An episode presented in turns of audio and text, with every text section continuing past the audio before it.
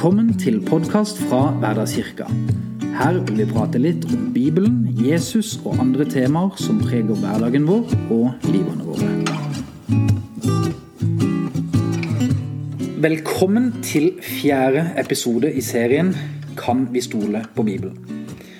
I de forrige episodene har vi sett på argumenter for at vi kan stole på forfatterne av eh, evangeliene i Det nye testamentet.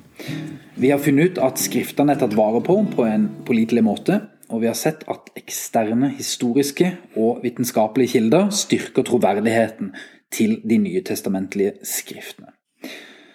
Dette gir oss også grunn til å tro at skildringene av Jesu liv og lære er sanne. Og Dermed er det også grunn til å tro at omstendighetene rundt Jesu død også er beskrevet korrekt. I denne episoden skal vi ta for oss korsfestelsen i alle sine grusomme detaljer. Noen mener at Jesus kan ha overlevd korsfestelsen, og at dermed også oppstandelsen er en forfalskning. Koranen hevder at Jesus ikke døde på korset, og f.eks. Ahmadiyya-muslimer hevder at Jesus emigrerte til India og senere døde der. Kan Jesus bare ha vært bevisstløs da han ble tatt ned fra korset? Kan han eh, ha blitt gitt et stoff som faka døden? Og Det står jo at soldatene ga ham en svamp som var dyppa i væske. Dette hadde vært skrevet flere bøker om på 1800- og 1900-tallet. og Også eh, vår egen Tom Egeland spinner jo videre på disse ideene i flere av sine romaner. Jeg heter Roar Koseth Eikli og har en del spørsmål, og Gunnleik Hofstad skal igjen prøve å svare. Så Gunnleik, hva svarer du på påstandene om at Jesus kanskje faka både sin egen død og oppstandelse? Ja, det skal jeg prøve å svare ganske grundig på. Så vi skal prøve å få med oss eh, alle detaljene på det som skjedde i den eh, påsken for eh, nesten 2000 år siden. Og først føler jeg bare behov for å advare lytterne om at dette kommer til å bli litt groteskt. Det er mye detaljer som ikke er så hyggelig å høre om, men eh, det, var, det er realiteten. Mm. Så det begynte jo med skjærtorsdag i påsken. Eh, at Jesus var, hadde delt påskemåltid med disiplene osv. Og, så og så drar de da ut til Getsemanehagen, som ligger da ved, ved Oljeberget. Som eh, sannsynligvis var et sted hvor de ofte campa, rett og slett, da når vi var på tur i Jerusalem. Mm. Og eh, da står det jo, Så dette er jo liksom starten på, på Jesus sin lidelse, egentlig. For at, eh, da ber han jo, og vet hva han skal igjennom av eh, lidelse, smerter osv. Og, så og så ber han til sin far i himmelen er det mulig å droppe dette, så gjør jeg gjerne det, men jeg gjør det du vil, ikke det jeg vil. Mm. Og da kan man jo tenke seg at når du vet, vet hva som skal skje, så, så, vil jo det være et veldig høyt stressnivå hos Jesus akkurat der. Mm. Og da, Det står jo faktisk da at han svetta blod, står det. Ja, eh, og da må jeg stoppe deg allerede nå. For det, å svette blod, er det egentlig medisinsk mulig i, i det hele tatt? Ja, eh, eller på en måte er det det. Det er et medisinsk fenomen som, som i alle fall vil oppleves som å svette blod for en som uh, ikke er uh, lege, da, for å si sånn. Hvis du observerer det, så vil det se ut som uh, å svette blod. Og det er et medisinsk fenomen som kalles hematidrose. Så det er et ganske uvanlig fenomen. Og man er ikke helt sikre på hvorfor det skjer, men man antar at det har med med høyt stressnivå eller eh, mentale påkjenninger å gjøre. Mm. Og Det samstemmer jo mye med hvordan vi tenker Jesus hadde det akkurat der og da. Mm. Så, så, det, det som, som, skjer, er at stressnivået utløser kjemiske stoffer som bryter ned kapillærene, altså de bitte små blodårene inne i svettekjertlene, som man blør inn i svettekjertlene. Mm. Og når man da svetter, så vil det være blod i svetten. Mm. Eh, og det så vil jo da se ut som man faktisk da svetter blod. Ja. Eh, og dette, dette, er altså Man kan gjerne google hematidrose hvis du vil se. Derfor kan du sikkert få se noen bilder av eh, hvordan det ser ut. da. Ok, men um, hva, hva, er det neste som Jesus må gjennomgå da, av, av tortur? Jo, etter dette her så blir han jo arrestert og blir forhørt og osv. Så, videre. så blir han da overgitt til å bli piska, eller hudstrøket, som de gjerne kalte det. da. og før det, altså hvis vi tenker da at Jesus har først hatt hematidrose, eh, så er det faktisk en bivirkning av hematidrose at huden blir ekstremt følsom. Så, så før Jesus går gjennom noe mer tortur, så, så, er han ekstra følsom for smerte, faktisk. Mm. Uh, og denne her romerske da, hudstrykingen eller piskingen det var en særdeles uh, brutal uh, torturmetode. Vanligvis fikk man da 39 slag, og romerne brukte da en pisk som var fletta sammen av flere sånne eh, skinnstrimler. Eh, den ble ofte kalt en nihallet katt, så det er sannsynlig at det ofte var ni sånne type strimler, eller sånne fletter. Eh, og i de flettene så var det biter av bein og metall. Så når du fikk et piskeslag, da, så er det som å få kanskje ni piskeslag hver gang du får ett slag. Og i tillegg så er det da eh, bein og metall som da setter seg i huden, og når du røsker da pisken tilbake, så vil jo da huden rives opp eller skjæres opp av disse her. Mm. Så den som ble piska, var bundet opp til en eh, stolpe. Sånn at hele baksiden av kroppen, helt fra liksom skuldrene og helt ned til baksiden av beina, hele mm. baksiden av kroppen ville vært piska. Eh, og man sier at, det, at man ble så opprevet at man kunne ofte se både ribbein og ryggrad f.eks. kunne være synlig. Eh, historikeren Eusebius, eh, som skrev på 200-tallet, han, han, beskriver eh, hudstrykingen slik. Eh, den lidendes blodårer ble avdekket, og selve musklene, senene og tarmene var synlige. Mm. Eh, og En annen lege som også eh, har studert dette, her, han, han, sier at eh, sårene ville gå helt inn i de underliggende skjelettmusklene og fremkalle skjelvende remser av blødende kjøtt. Så, så selve denne hudstrykningen, eller den torturen, kunne jo være dødelig i seg sjøl. Så mange døde jo som følge av, av noe sånt. Um, om man ikke dør, så vil man minimum da oppleve da selvfølgelig ekstrem smerte og stort blodtap. Eh, og få noe som man kaller hypovolemisk sjokk, eller det vi ofte kaller sirkulasjonssvikt. Eh, dette kommer jo da eh, av altså Hypo betyr lav, vol har med volum, og emisk har da med blod. altså Det betyr rett og slett lavt blodvolum. Mm. Så man, En lidelse som man får etter å ha mista store mengder blod. Det som skjer også da, er at hjertet jobber ekstra hardt for å prøve å pumpe nok blod til alle organene og til hjernen osv. Eh, det er jo ikke nok blod. Eh, så blodtrykket vil jo da falle drastisk. Eh, og hjertet, jobber da egentlig forgjeves på høygir for å prøve å få i gang systemet. Mm. Så man vil oppleve å bli svimmel, kanskje bevisstløs. Nyrene vil slutte å produsere urin for å prøve å opprettholde væskevolumet i kroppen. Og man vil bli veldig tørst fordi kroppen vil hige etter væske for å erstatte blodtapet, eller for å skape nytt blod. Da. Ja. Men Finner vi noe tegn på dette hos Jesus, at eh, han leder hypovolemisk sjokk? Det, ja, altså um, I Matteus 27 så står det uh, Dette er jo når han da skal, er på vei til Golgata.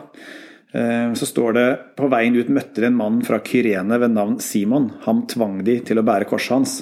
Hvorfor tvang de en fyr til å bære korset hans? Uh, sannsynligvis fordi han kollapsa underveis. da. Mm. Eh, kanskje svimte han noen ganger, eller i hvert fall var i en sånn tilstand at han var ikke i stand til å bære en, en tung trebjelke på skulderen. Mm.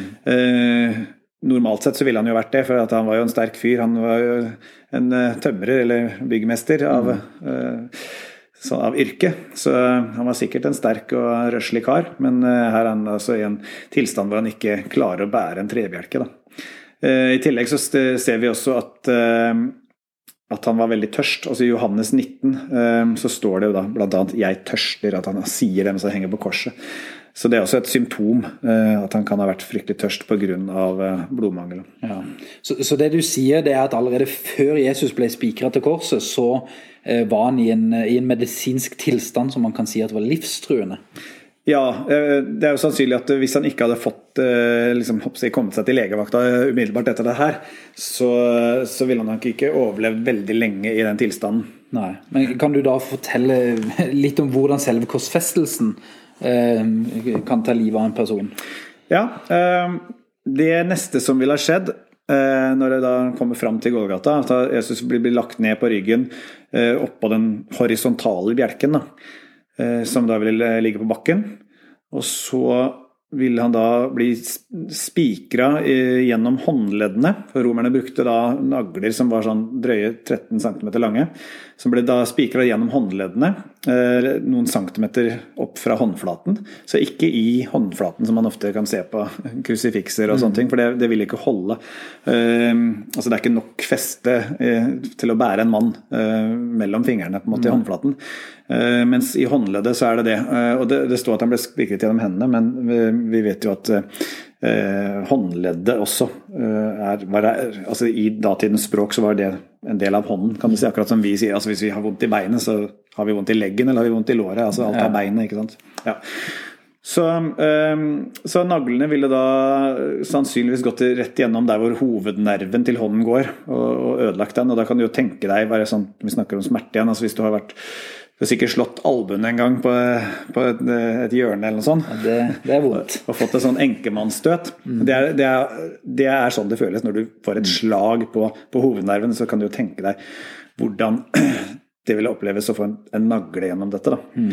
Um, og det kan jo beskrives med det engelske ordet 'excruciating', som betyr fryktelig vondt. Mm. Og, og, det kommer jo av latil, altså ex crucio, altså det er kom, altså, ut fra korset.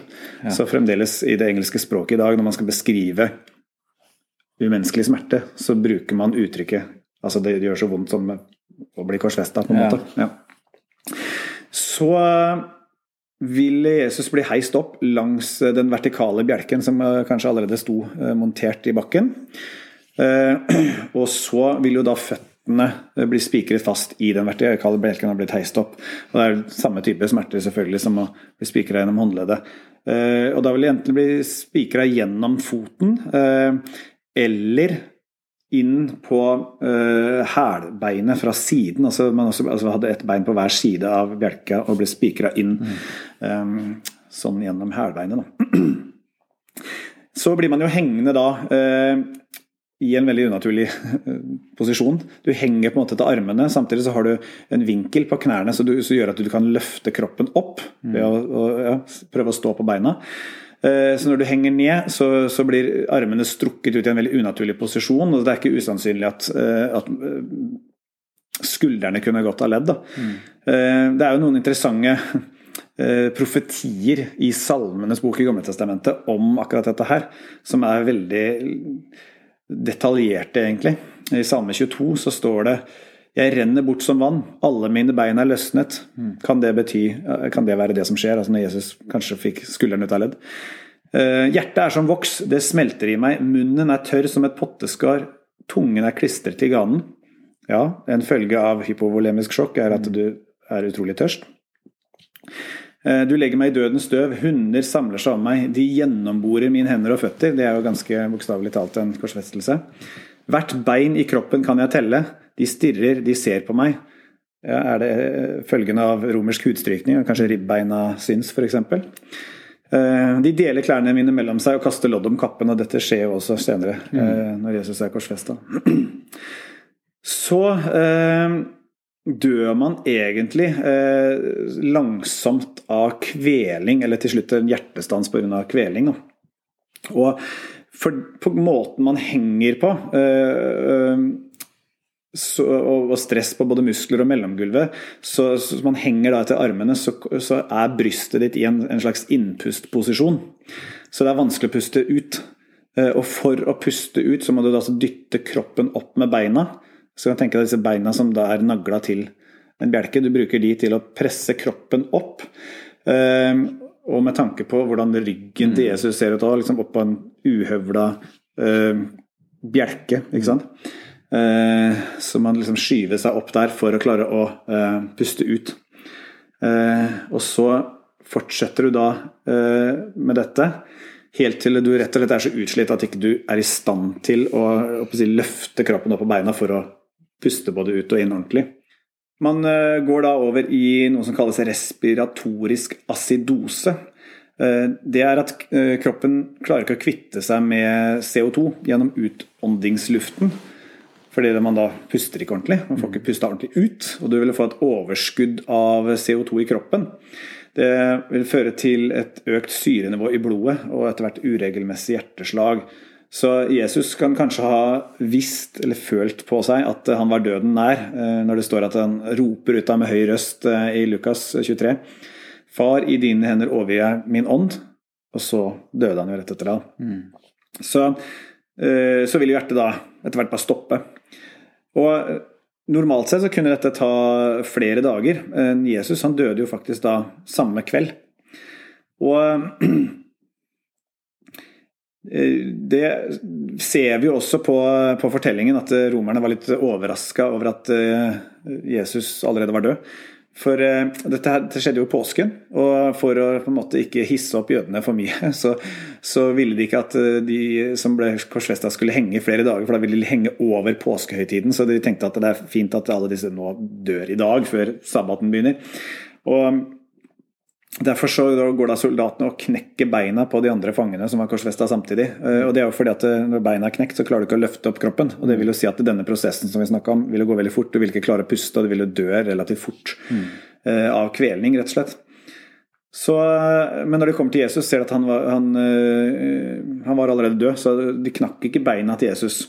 Og igjen så er det en, en salme, salme 34, som som blir oppfylt, da, en profeti fra Salme 34 som blir oppfylt, hvor det står han, han bevarer hvert bein i hans kropp, ikke ett av dem skal brytes. Mm. Så Jesus er allerede død. Og de blir overraska, så, så en uh, offiserene sier at de er 100 sikker på at han fyren er død nå, så vi skal ikke ta noen sjanser på det. Så han sender en av soldatene av gårde med et spyd, og så står det at han stikker han da uh, i siden. Det står i Johannes 19, men en av soldatene stakk ham i siden med et spyd, og straks kom det ut blod og vann. Mm. Så dette er jo for å være helt sikker på at uh, vi skal ikke ta noen sjanser, han må være 100 død. Og uh, her er det også en, en interessant ting da, som, uh, som kan si, bekrefter Johannes sin troverdighet som øyenvitne. Og det er det, den beskrivelsen at det kom blod og vann. Er, vi vil jo selvfølgelig vente at det kommer blod hvis du stikker noen med et spyd, mm. men hvorfor kommer det vann? Og da er det sånn at det, Dette hypovolemiske sjokket som vi snakka om før, da, det fører til en vedvarende økt hjerterytme som gjerne resulterer i en oppsamling av væske rundt hjertet. Det er noe som kalles perikardvæske, og det vil også samles opp rundt lungene. Det kalles plauravæske. Så Det forklarer hvorfor det fløt ut en type klar væske som Johannes da beskriver som vann. Mm. Um, han sier jo da kommer blod og vann. Uh, det betyr ikke nødvendigvis at det kom blod først, og så kom det vann. Men eh, det kan ifølge da, greske språkkyndige handle om hva det kom mest av. Det kom mest blod, men det kom også vann. Mm. Så eh, det er, ikke, det er ikke mulig at, å overleve alt dette her, for å si det sånn. Nei. Altså Jobben min her er jo å være, være skeptisk. Eh, ja. Og Noen historikere de har jo hevda at romerne ikke korsfesta med nagler, men at de brukte tau. Og at beskrivelsen av fra Nytestamentet må være feil, eller? Ja, altså det, det, det Bakgrunnen der er at de har funnet veldig lite altså Arkeologer har funnet lite nagler. Eh, det tror man har eh, ofte med at, at, nagler gjerne blir brukt som eh, støpt om til amuletter, eller noe sånt, at, at faktisk da de ble resirkulert mange ganger. Men, og, og det er også, man, man, regner jo med at det er korrekt at de av og til også brukte tau. Ehm, så det er jo ikke, det ikke spikringa på korset som tar livet av det er jo en langsom kveling som vi snakka om. Mm. Men det er funnet eh, arkeologiske bevis på at de brukte nagler. Um, og um, F.eks. i 1968 så fant man restene etter uh, rundt 30 jøder som hadde blitt korsfestet i forbindelse med opptøyene i år 70 i Jerusalem. Og Da var det en da som het uh, Jehohanan, ifølge da, den kista han lå i. da.